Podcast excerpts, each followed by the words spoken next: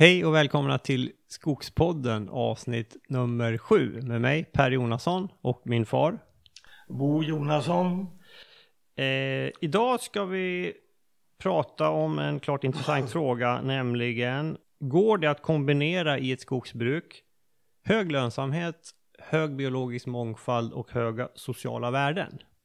Den frågan ska vi dissekera idag och till vår hjälp har vi en mycket kompetent gäst inbjuden också, nämligen Jonas Kling. Välkommen Jonas! Tack!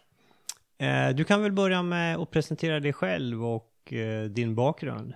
Eh, ja, som sagt, Jonas Kling heter jag. Jag, har ett, eh, jag är uppväxt med skogsbruk och kommer från en skogsbrukande familj. Så att eh, det har nämnts tidigare här att det här yrket har en tendens att gå i arv och, och jag är drabbad av det också kan man mm. säga. Ja. Eh, jag bestämde mig ganska tidigt för att eh, jobba med skog och skogsbruk och det var när jag var i yngre tonåren när jag följde med pappa på, på de här skogvaktarjakterna som de hade då när han var skogsförvaltare på Billerud. Och när jag såg de här skogvaktarna som stod där och då vart jag lite imponerad av de här gubbarna. Och tänkte att så, så där vill jag bli när jag blir stor. Ja, ja det är bra. Så jag bestämde mig ganska tidigt för att, eh, att eh, jag ville jobba med skogsbruk. Ja, ja. Um, så det uppstod tidigt intresse för skog och skogsskötsel? Ja, det gjorde det. Och, och det som kanske var lite speciellt för min del, det var att jag har kombinerat det här med ett ganska jag, jag är väldigt, har ett rejält naturintresse. Va? Ja. Jag var då på den här tiden, det utspelades på 80-talet och även aktiv i Fältbiologerna. Ja. Och eh, det här kunde jag kombinera då. och det var också en av anledningarna till att jag valde skog som min arbetsplats. Va? Det var det genuina naturintresset mm. för, för djur och natur och, och, och upptäcka platser i skogen som ingen annan hade varit på. Mm. Och, och hitta det där fiskhusebot som låg långt, långt in i skogen eller vad det nu kan ha varit. Va? Så att det, jag tillbringade en stor del av min uppväxt i, i skogen. Va? Jag vill minnas att just, just fåglar var lite grann din eh, specialitet. Du och jag är ju kusiner också, det nämnde jag inte. Utan, eh, Ja, fåglar är ju en, tacksamt och det är många som ägnar sig åt fågelskådning så att där hittar man många gelikar och sådär. Så att, Hur många har du på listan då? Äh, nej, det vet jag inte. Det är inte särskilt många. Jag är ingen, ingen artjägare Nej, på det okay. viset, utan jag är mera mm, harvar i, i barrskogen och där blir det inte så många arter. Och så får man åka med regelbundet till Öland och, och Gotland om man ska ha, fylla sina artlistor. Ja. Men ehm, för att återkomma till det här så, så, och det här var inte helt okontroversiellt att jag var, var aktiv i Fältbiologerna minns jag att eh, det här var en, en, fråga som min far fick hantera lite grann i, i, i olika situationer, även om han aldrig har sagt det till mig. Men, men ja, jag har förstått det i, vid senare tillfällen. Okay. Så har det varit. Va? Ja, ja. Eh, men jag utbildade mig så småningom efter att ha harvat runt som alla gjorde på den tiden med, med skogsarbete både skogsvårdsarbete men även som skogsarbetare under ett antal år så hamnade jag så småningom på Skogsmästarskolan. I Skinnskatteberg? I Skinnskatteberg. Mm. Och det här var utexaminerades då i samband med den här finanskrisen som var i början på 90-talet. Ja. Finanskrisen sammanföll eh, med eh, rationaliseringen i skogsbruket eh, så tillvida att gallrings, eh, gallringen mekaniserades och man fick ett överskott på, på skogstjänstemän. Så mm. det fanns under flera års tid inte ett jobb att uppbringa i, i, i skogen. Eller tjänstemannajobb. Så att jag var, hade svårt att få jobb då när jag, ja. trots min ganska gedigna bakgrund, jag fick inget jobb helt jag var arbetslös. Va? Ja, ja.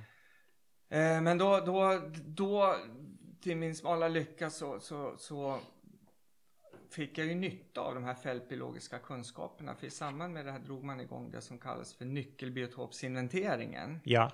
Och då ringde jag till, till det här ansvariga på Skogsvårdsstyrelsen och sa att jag, jag kan göra de här nyckelbiotopsinventeringarna. Jag vet hur man gör. Mm.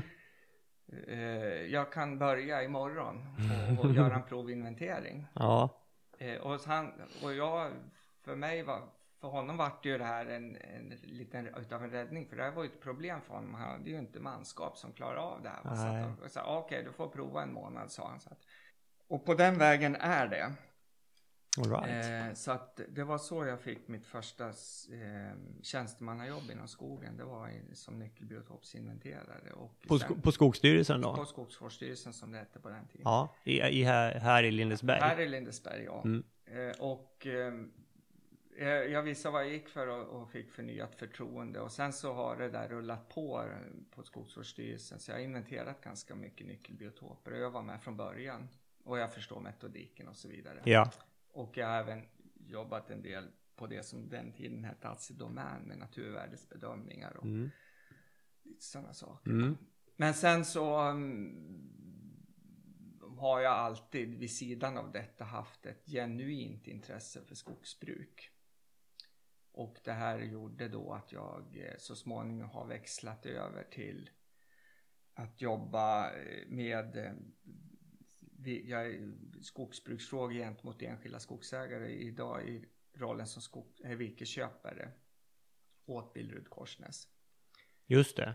Och jag har alltid, i min bakgrund så har jag alltid varit lite svag för skogsindustrin. Va? Så att jag Ja. tycker nog att jag hittade rätt ändå när jag hittade tillbaks till skogsindustrin. För att det finns en, eh, en dimension i mitt miljöengagemang där också som jag tycker passar bra in eftersom skogsindustrin, alltså jag ser trä, det är ju omvandlad solenergi. Ja. Och som man kan göra en massa bra saker utav. Mm. Och eh, man kan göra förpackningar utav trä eller utav massa va. Och det gör ni mycket på, på Ja, som är- Billerud Korsnäs? Ja, och, och det här materialet ersätter då plast och, och, Mm. och plåt och sådana saker. Va? Ja. Och då, det, man jobbar alltså med en hållbar utveckling handlar det om. Va? Så det. det är en, en, en ny dimension på, på mitt miljöengagemang som jag sympatiserar väldigt Mm. mycket med och, och brinner väldigt mycket. Och det inspirerar mig i mitt arbete Mm. väldigt mycket. Att det här är någonting som är bra. Och Men- likaså trä ersätter betong och stål och, och, och, och vi, biobränsle ersätter Ja. olja och så vidare. Va? Så det är bra liksom hela vägen Ja. när vi kommer till skogsindustrin. Ja. Och det här tycker jag man, jag vill lyfta fram det. Ja. Jag tycker det är viktigt i diskussionen som vi ska ha idag. Jag tycker alltså du är ju den perfekta gästen här, för du personifierar ju den här kombinationen med hög biologisk mångfald och Ja. en, en, ett lönsamt skogsbruk, eftersom du har ett ben i, i båda lägren.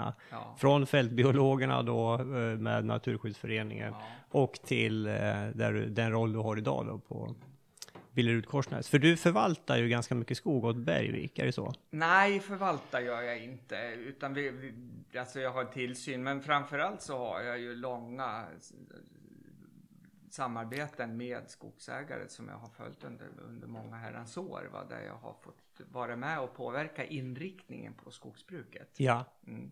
Mm. Så att, ehm, Ja, det är bra. Du har rejäl erfarenhet. Men du, Jonas, då, om vi tar och vad är hög biologisk mångfald för dig? Vad, vad, vad kännetecknas det av, som du ser det? Eh, det är ju en, en, en stor fråga och en komplex fråga. Och eh, i, i, jag funderar lite grann på det här av och till. Mm. Men i grunden handlar det nog om, om vi nu ska ägna oss åt skogen, om att det finns stabila ekosystem Ja. där det finns då plats för alla livsformer på ett eller annat sätt va, som hör till de här ekosystemen. Och då är det, det på, på, den platsen naturliga ekosystem som, som bör förekomma där det helst inte, alltså en barrskog Ja. eller en lövskog eller vad det nu kan vara. Mm. Eller vattenmiljö. Det handlar dels om stabil ekosystem. Det handlar även om väldigt mycket om vård utav vatten och mark. Mm. Vatten är en väldigt viktig naturresurs som inte man har satt hela dess fulla värde på som jag bedömer det idag. Okej. Vi, vi är, och det är helt enkelt för att vi är ju lyckligt lottade i, i Norden va? Mm. Med, med, med rent vatten som man ska vara väldigt rädd om. Ja. Det finns ju, vi, vi är ju Eh, om, om, pratar, om vi pratar certifiering, vi nämnde det tidigare innan vi satte igång här. Där har man ju, där står det ju ganska mycket om det här med skydd mot, mot kantzoner och vatten och, och bäckar. Ja, att ja. man måste ta stor hänsyn till det vid ja. avverkningar och dylikt. Man, man, jobbar ju väldigt mycket med tekniker idag för att göra detta. Men jag, jag är helt övertygad om att där är man inte framme. Där finns det mer att göra. Ja. Eh, för, för att ta det här som ett kanske ett mer specifikt exempel då, så är ju vattenmiljön, vattnet i sig är ju ett, ett, ett har ett värde. Det ska man absolut aldrig någonsin dagtinga med, med när man gör en åtgärd i skogen. Mm. Men sen har vi även kopplingen till det, biologisk mångfald i den skog och den miljö som finns i anslutning till vattendraget där, man, där jag tycker man ska koncentrera sina, sina insatser. Mm. På lång sikt blir det väldigt bra, okay. är jag helt övertygad om. Mm. Så vattenmiljön är, är en, en, en, väldigt viktig miljö att ta hänsyn till i, i mm. brukandet av skogen. Ja. Ja, något annat som du, som du känner eh, som du vill ta upp? Eh, ja, alltså det är ju vård av mark och vatten, stabila ekosystem. Men sen, eh, sen är det ju mångfald, alltså mångfalden utav brukande. Va? Det, det är ju alltid från stora naturreservat till intensivt skötta skogsfastigheter har vi i våra marker. Mm. Och, och, och, den mångfalden av olika ägarkategorier och så, den tror jag också är, är viktig för, för den biologiska mångfalden. För att biologisk mångfald är visserligen det bästa i, i alla världar vore ju att man hade en, en urskog i hela Sverige. Mm. Det vore ju det, det mest naturliga. Mm. Men då skulle vi ju inte ha något skogsbruk. Nej. Och alternativet till att vi inte skulle ha något skogsbruk är så otroligt mycket sämre. Mm. Eftersom man gör så mycket bra grejer utav de här träden. Va? Ja. Eh, så, så det här måste man ju hitta en, en, en balansgång som är, är, sund och som är långsiktigt hållbar. Ja. Vi får inte föröda vårt ekosystem på grund av att vi ska bedriva ett, ett intensivt industriskogsbruk. Nej. Det, det, det, är inte, det är inte acceptabelt. Nej, men det är ju... Och känner du, jag menar du, du jobbar ju ändå för ett stort skogsbrukföretag då, alltså Billerud Korsnäs. Känner du att det här är eh, det du säger här, det är liksom, eh, så, så går snacket även hos, hos er? Ja, och eftersom jag nu är både fältbiolog och skogsbrukare så, så kan jag se, mm. Jag kan se viss, vissa, alltså jag, det är vissa saker som jag tycker man svartmålar i skogsbruket lite i onödan ibland. För mina kollegor och nästan alla som jag känner som jobbar med skog, mm. de har ett genuint naturintresse i botten. Ja. Och det tycker jag man, man måste ha klart för sig när man är, är kritiserar skogsbruket. Ja. Att nästan alla som jobbar med det här, de är genuint naturintresserade. Ja. Och det, det, inför detta måste man ha en ödmjukhet. Ja. ja, jag håller med. Och det finns mycket kunnande och stort engagemang hos de ja. privata skogsägarna som inte riktigt kommer fram i debatten ibland. Men jag håller med dig, men, mm. men eh, jättebra. Eh, Bosse, du, om vi tittar lite grann på hur du ser på den biologiska mångfalden och, och din skogsskötsel här på Gusselborg. Dels egna erfarenheter och även gärna om du har några kommentarer till det Jonas har sagt. Eh, jag tycker det här sista du sa Jonas, med det här naturengagemanget hos de som jobbar i skogen är väldigt viktigt att ha i åtanke eh, att det är en engagerad yrkeskår. Du pratade tidigare också om det här med skogvaktare och din, din syn på skogvaktarkåren när du stiftade bekantskap med den i ungdomen.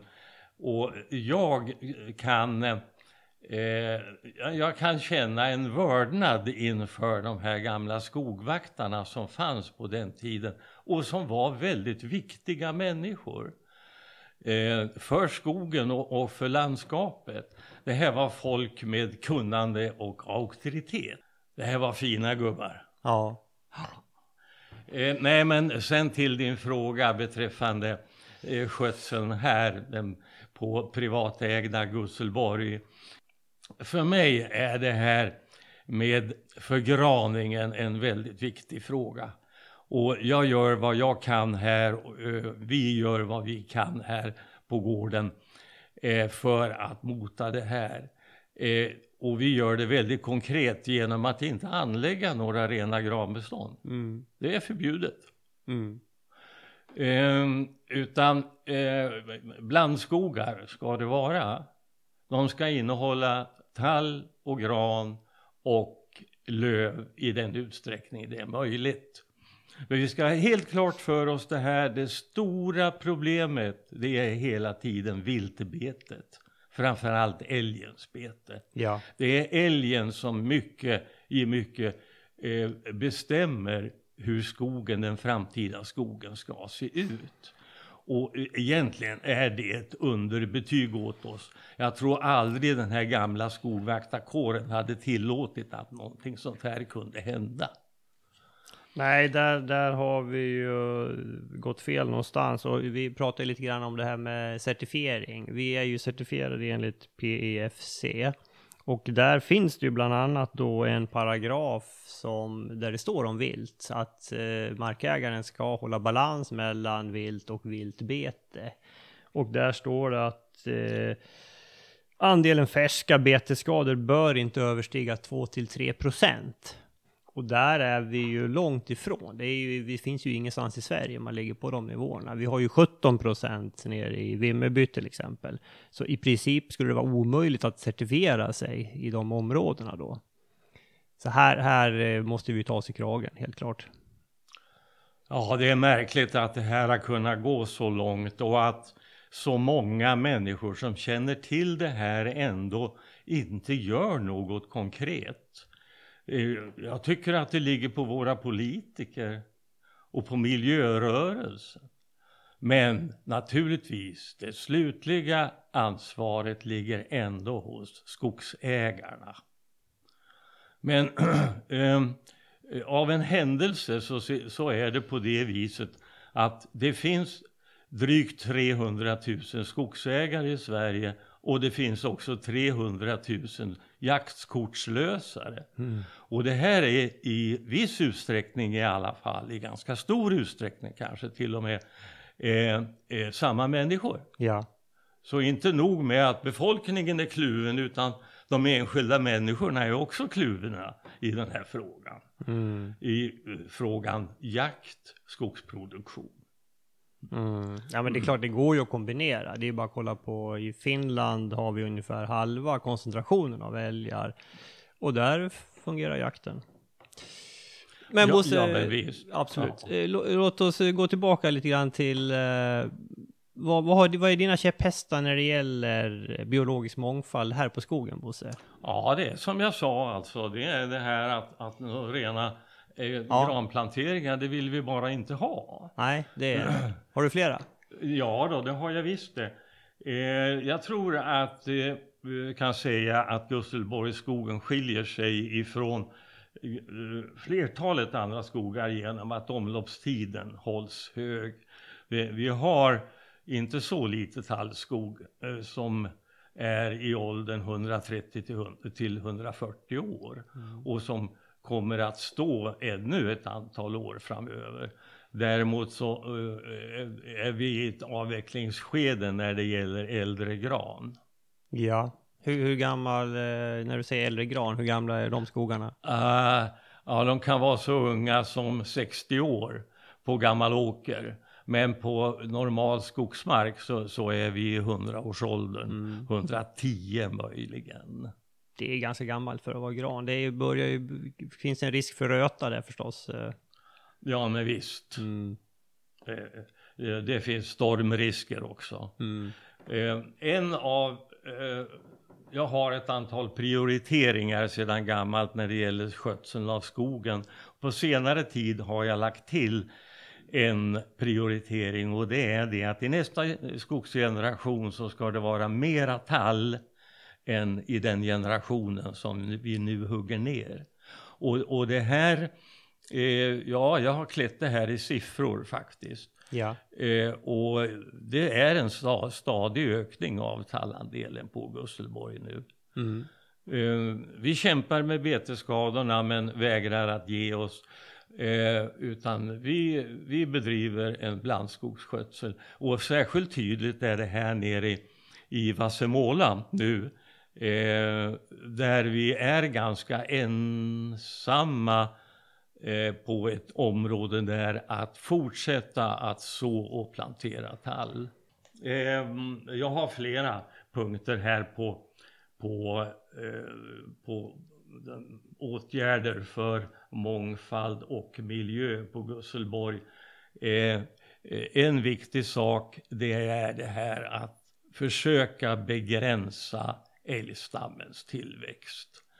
Jag vill inte påstå att älgstammen ökar nu men, men eh, den ligger fortfarande på en hög nivå. Det betas förskräckligt mycket. Och eh, en sak som vi aktivt gör det är att vi odlar verkligen älgmat. Mm. I alla röjningar så sparar vi allt undertryckt ätbart. Alltså, sånt, sånt löv som inte konkurrerar uppe i övre kronskiktet med blivande huvudstammar. Ja. Allt sådant får vara kvar. Mm. Och vi producerar faktiskt väldigt mycket älgmat. Mm. Och särskilt eh, avseende fäster jag vid rönn, sälj och asp och liknande träslag som växer på vägkant. Ja. Det är, alltså de här vägkantsträden är jädrans viktiga. Mm, mm. Dels får de, när de växer upp på vägkant så får de ett extra utrymme där. Dels den här lilla störningen som blir av trafiken även på en skogsväg. Mm. Det verkar så att det betas mindre de här rönnarna som står på vägkant. Och då får de chans och, och fåglarna kan sprida rönnbären till andra delar av skogen. Ja men visst. Mm. Ja. Mm, mm. Ja men det är bra. ja. Eh, Jag kan fortsätta om du vill Per, men... eh, Nej men kanske vi, vi kan, vad säger du Jonas? Vi, nu har vi, nu har, och vad säger du Bosse om det Jonas sa? Vi har lite diskussion här. Vi, en sak som du nämnde Bosse, eh, det här med långa omloppstider till exempel. Eh, hur, vad, vad, vad säger du eh, Jonas, hur ser det ut på era skogar eh, när det gäller just omloppstider till exempel? Eh, ja men där har vi ju en, en, en skillnad på bolagsskogsbruket och det enskilda skogsbruket. Mm. Och, och där vill jag ju återkomma till när det gäller diversifieringen utav brukandet i skog, alltså Ja. brukare. Ja, Det är enskilda skogsägare, det är kvinnor, det är män, det är unga, det är gamla, det är utlands, folk som bor i utlandet och så vidare. Det är fattiga och det är rika. mm. Och sen har vi bolagsskogsbruket och sen har vi statliga skogar och institutionella ägare. Och, och kyrkan? och, ja, kyrkan ja. Jag räknar det som en institution. Ja. Eh, bolag, skogsbolagen de är jätteduktiga på att ställa generell hänsyn, göra landskapsplaner, göra olika program, till Mm, exempel mm. Bergviks vitryggsprojekt och sådana saker. Va? Mm. Det är fantastiska satsningar och, och, och de här generella avsättningarna som de gör på, på, på varje hygge har jättestor betydelse i framtiden. Mm. Eh, det finns eh, hyggen med extremt hög biologisk mångfald. De är fantastistiska för en naturintresserad att vara på om man nu har tagit bort den här skygglappen och kan se hygget som en intressant biologisk miljö. Ja. Eh, Så där finns det mycket att hitta va? Ja, Inte minst på insektssidan. ja, ja. Skalbaggar Eh, och dylikt. Ja, och man ska absolut inte förringa den in, insatsen som görs. Va? Mm. Sen så har jag själv inventerat eh, 15-åriga granungskogar där det har växt in väldigt mycket generell hänsyn som är ställd i en tidigare generation. Där man faktiskt har hög biologisk mångfald på den här, Mm. i de här hänsynsytorna då, som man står, står kvar och enskilda träden också för den Mm. delen. Mm. Det här är skog, storskogsbruket jätteduktiga på. Sen eh, har man ju då däremellan då eh, ganska intensivt brukade skogar med korta omloppstider. Mm. Eh, det, så är det va? Ja, och och ja. de här skogarna blir mer av plantagekaraktär. Det där de ser ut, en 60-årig skog ser ut som den gör. Det, det går inte att trolla fram en, en, Nej. en, en, en det är skillnad mellan en 60-årig skog och en 130-årig skog. Ja, nej, men så är det. Så är det va. Ja. Och där har vi då den enskilda skogsmarken där, där faktiskt det är mycket gammelskog och det vet jag eftersom jag jobbar som virkesköpare. Mm. Mm. Att det finns mycket skog som är äldre Mm. hos de enskilda skogsägarna. Ja. Och det är där eh, den stora timmerfångsten hos sågverken sker och så vidare. Mm. Eh, för timmerandelarna är högre och det är ett bättre virke och så vidare. Mm. Men du har även i dessa skogar en hög biologisk mångfald. Du har inte lika stora brukningsenheter vilket gör att eh, mångfalden kan flytta mellan de här olika Ja, just bestånden. det. Ja, precis. Men sen finns det ytterligare en, en, en aspekt att, ta hänsyn till. Det är intensiteten i brukandet skiljer Ja. sig mellan de enskilda skogsägarna eftersom de var och en har sin egen policy. Ja. Ett, SCA de har sin skogspolicy och den kör de Mm. liksom från norr till söder. Ja. Men eh, en enskild skogsägare, grannarna emellan, har ju helt olika syn på hur skogen ska sköt- Ja, skötas många ja. gånger. Va? Och det gör också att man får en variation i till exempel lövandelar. En del är ju helt eh, passiva och där får du löv, oskött lövskog. Ja. och en del är väldigt aktiva och där kan få, får man skogar som ser ut, som ser ut som på Gusselborg. Va? Ja. Ja. Ja. Och sen finns det ytterligare en dimension på detta som är viktig. Och det är de här naturreservaten som är stora och ska finnas och ligga utspridda i landskapet. Mm. De är jätteviktiga också för den biologiska mångfalden. Mm. Och där har man ju jobbat väldigt framgångsrikt och jobbar hela tiden framgångsrikt med att skapa sådana här naturreservat. Och det, det, Mm. de, de, de behövs de också. Mm. Och där tycker jag att eh, skogsbruket ibland har en, raljerar lite över detta. Va? Det tycker jag är, det, det, det, det tycker jag inte är bra. Va? Utan de, man ska se nyttan och, och, och styrkan i det här. Och jag brukar säga det att skogen räcker till alla. ja. Det, även till naturreservat eller tvärsom. Va? Ja. Ja. Skogen, vi har mycket skog i Sverige och eh, det räcker till alla. Visst är det så. Jag föreslår att vi tar en sväng upp på skogen och så kikar vi på några områden där vi, där vi har en hög biologisk mångfald och tar en diskussion kring områdena. Får jag bara säga en sak? Eh, Du pratade Jonas om det här skogsindustrins roll och det här att, att vi förädlar träd till nyttigheter. Eh, eh, jag tycker att en viktigt, eh, man kan uttrycka det så här att skogen skapar nyttigheter av ett skadligt överskott. Det skadliga överskottet det är alltså den stora eller den ökade koldioxidhalten i atmosfären. Ja. Det tar skogen vara på och skapar nyttigheter av. Mm. Trolleri. Ja, det är det. Ja visst, Det men är det är det. bra hela vägen från A till Ö. Ja, ja men absolut. Nej, men den är ju den är klockren. Bra, nej men låt oss åka upp eh, och kika på skogen så fortsätter vi där.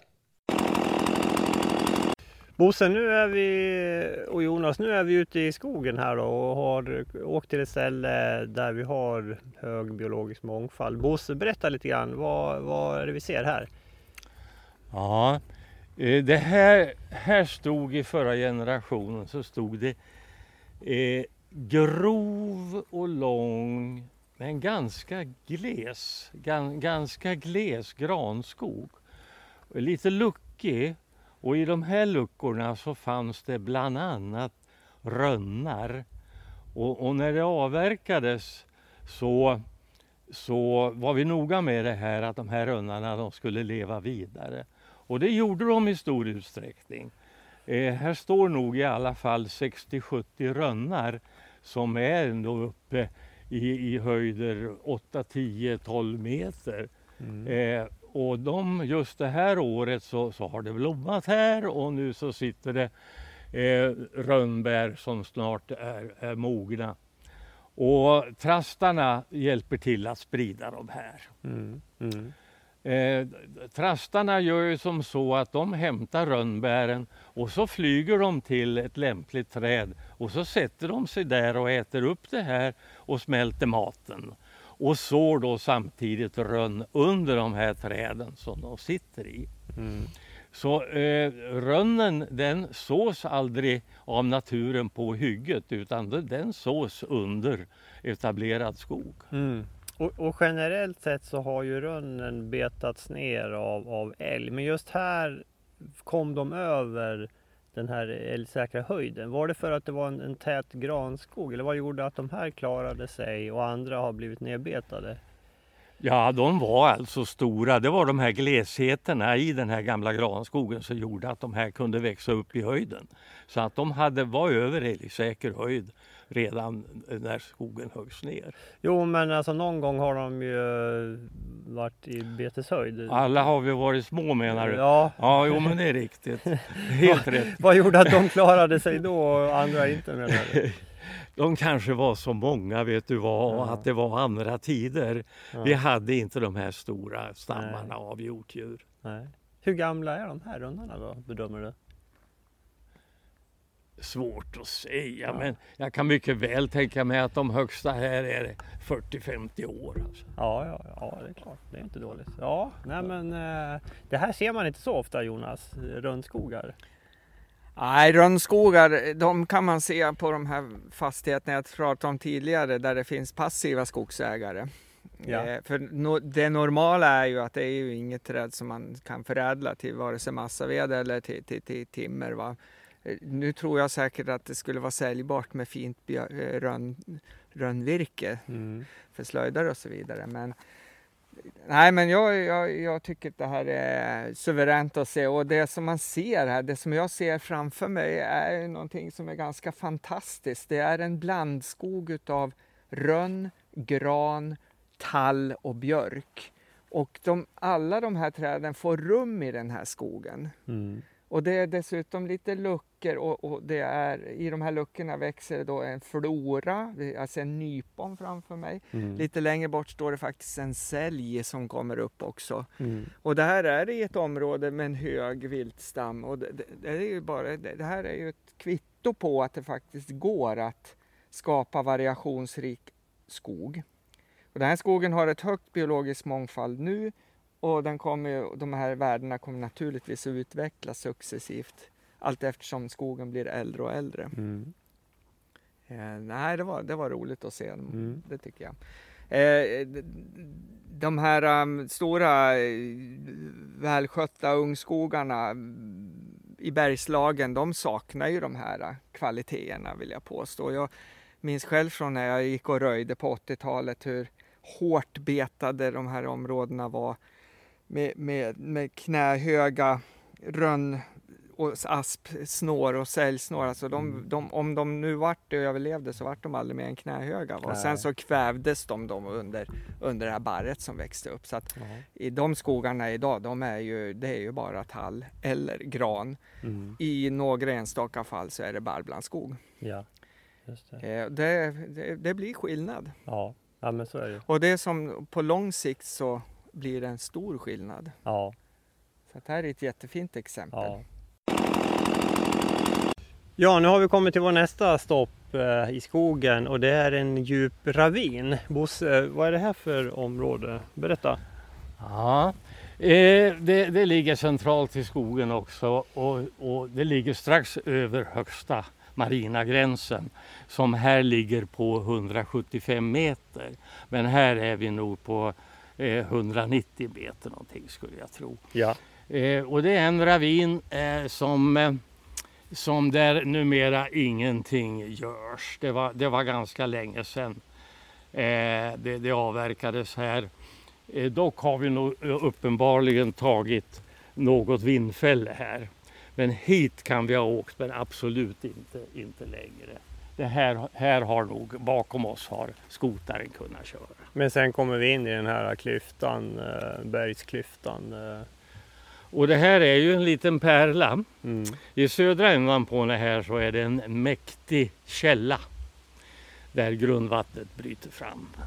Där det växer bland annat klibbal. Mm. Som det annars inte gör i skogen här faktiskt. Nej. Det här är en, en mäktig och vacker plats. Ja, ja. Jonas, har du varit här förr? Ja, jag, jag, har varit här förut och eh, jag håller med Bosse om att det här är, är, en av de finaste platserna sett ur ett biologiskt perspektiv då, på, på, på den här skogen. Det är en, en sprickdal i fasta berget. Det är uh, gråberg, urberg, stora block. Vi har ett plockepinn och moras av uh, gamla granar, vindfällen mm. som jag mm. kan tolka det som, som har blåst omkull. Och sen har vi lövträd asp och björk i olika åldrar och dimensioner. Mm. Skogen är flerskiktad och det finns en, mycket skrymslen och vrål och olika små livsmiljöer för, för diverse biologisk mångfald. Mm. Det här är en, en klockren eh, hänsynsyta eller natur-NO-bestånd i skogsbruksplanen naturligtvis. Ja. Eh, och det som var intressant i Bergslagen då som vi pratar om, att de här äh, platserna är inte helt ovanliga utan de här ligger som en mosaik i landskapet så att du har alltid representation utav de här orörda miljöerna och mm. de här ska ju naturligtvis få stå och sköta sig själva. Va? Ja, precis, för det här är ju en del av de, de 5 som är avsatta just för naturvård, eh, Bosse. Det stämmer. Mm. Och, och, och, jag tror också, tittar man på lite historiken i Bergslagen då som vi är aktiva i, där är ju då har vi ganska intensivt skogsbruk har varit under många herrans år, hundra år. Va? Eh, ett, ett målmedvetet industriskogsbruk kan man säga för att förse industrin med råvara. Mm. De här ställena har ju aldrig tillåts bli riktigt, riktigt gamla. För man har avverkat dem, men det är först nu som man verkligen strategiskt har avsatt dem och med en strategi att de faktiskt ska stå i all evig framtid. Va? Ja. Eh, så att värdet på dessa tror jag kommer att öka i framtiden. Mm. Eh, och vi har inte sett effekten, den fulla effekten utav eh, det skogsbruk vi bedriver i Sverige idag med naturhänsyn, generell hänsyn i kombination med avsatta områden, reservat. Vi har inte sett den fulla effekten utav vilken eh, inverkan det har på den biologiska mångfalden. Jag, jag tror att den är mycket mer positiv än vad man kanske kan tro många ja. gånger. Anser du att, att, det, att det här gör att den biologiska mångfalden ökar successivt eh, i skogsbruket idag? Ja, jag, jag tror faktiskt det. Mm. Jag tror faktiskt det, men det är, ju, det är ju bara känslomässigt baserat. Men det finns viss forskning som stödjer detta också. Så ja. att, eh, jag hoppas det också, för att mm. jag tycker det här, kan man hitta den kombinationen så är det alldeles enastående. Mm. Sen kommer vi aldrig att kunna leva i en, i en drömvärld, utan det, det, är ju så att det är ju alltid så att det, det, det man gör får konsekvenser. Mm.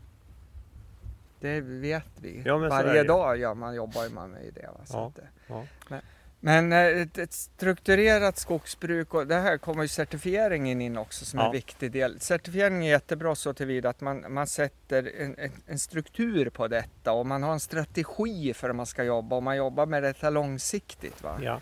Och, där tror jag att certifieringen har en väldigt viktig roll att spela. Är alla Bergviks skogar certifierade? Ja, det är de. Ja.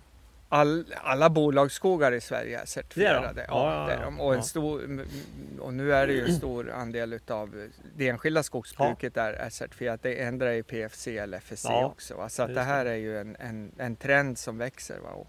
11,5 miljoner hektar är enligt eh, runt 11-12 miljoner av, mm. respektive certifieringsorgan. Mm. Sen är ju en del dubbelcertifierade också, mm. läste jag. Mm. mm. Så det är en stor andel. Mm.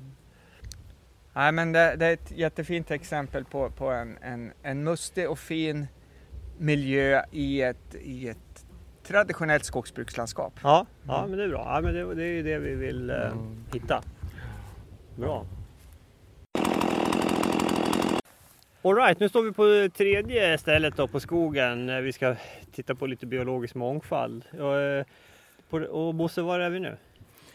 Vi är några få meter under högsta marina gränsen. Det är kullersten i marken, knytnävsstora och större stenar. Eh, och här stod alltså havet och skvalpade för 10 000 år sedan. I förra skogsgenerationen var en en ganska mäktig granskog. En hög volym eh, var det och, och fina granar. Mm. Nästan inga andra träslag. Totalt sett så var det nog ungefär 10 aspar, 10 tallar och kanske 50 björkar. Mm. Och resten gran. Och resten gran. Och, vad, och vad, eh, här var vi ju faktiskt i vårt första avsnitt så var vi med när Anna sådde här.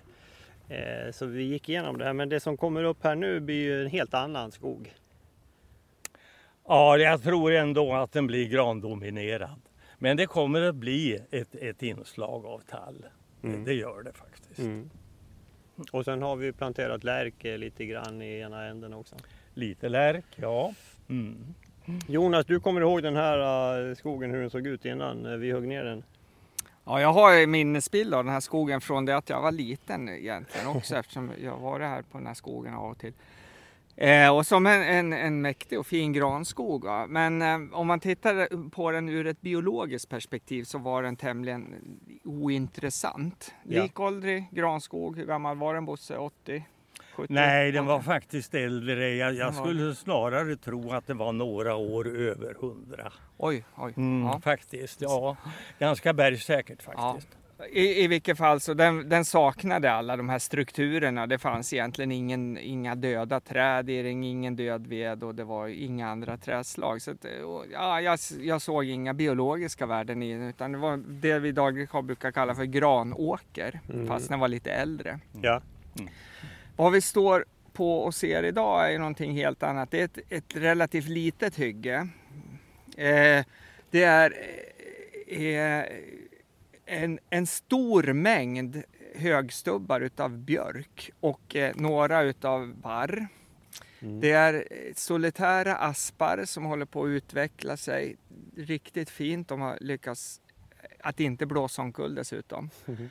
I kanten utav hygget så är det en, en eh, hällmarksskog med äldre tallskog som nu är lite solbelyst och där ligger en ansamling utav eh, lite vindfällen och i plockepinstruktur. Mm.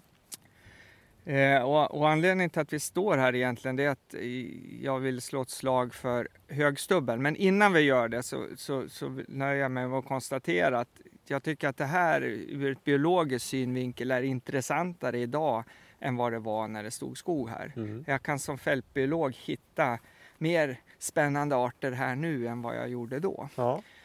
Eh, så att hygget är också en miljö som kan vara intressant för en naturintresserad människa vill jag påstå. ja.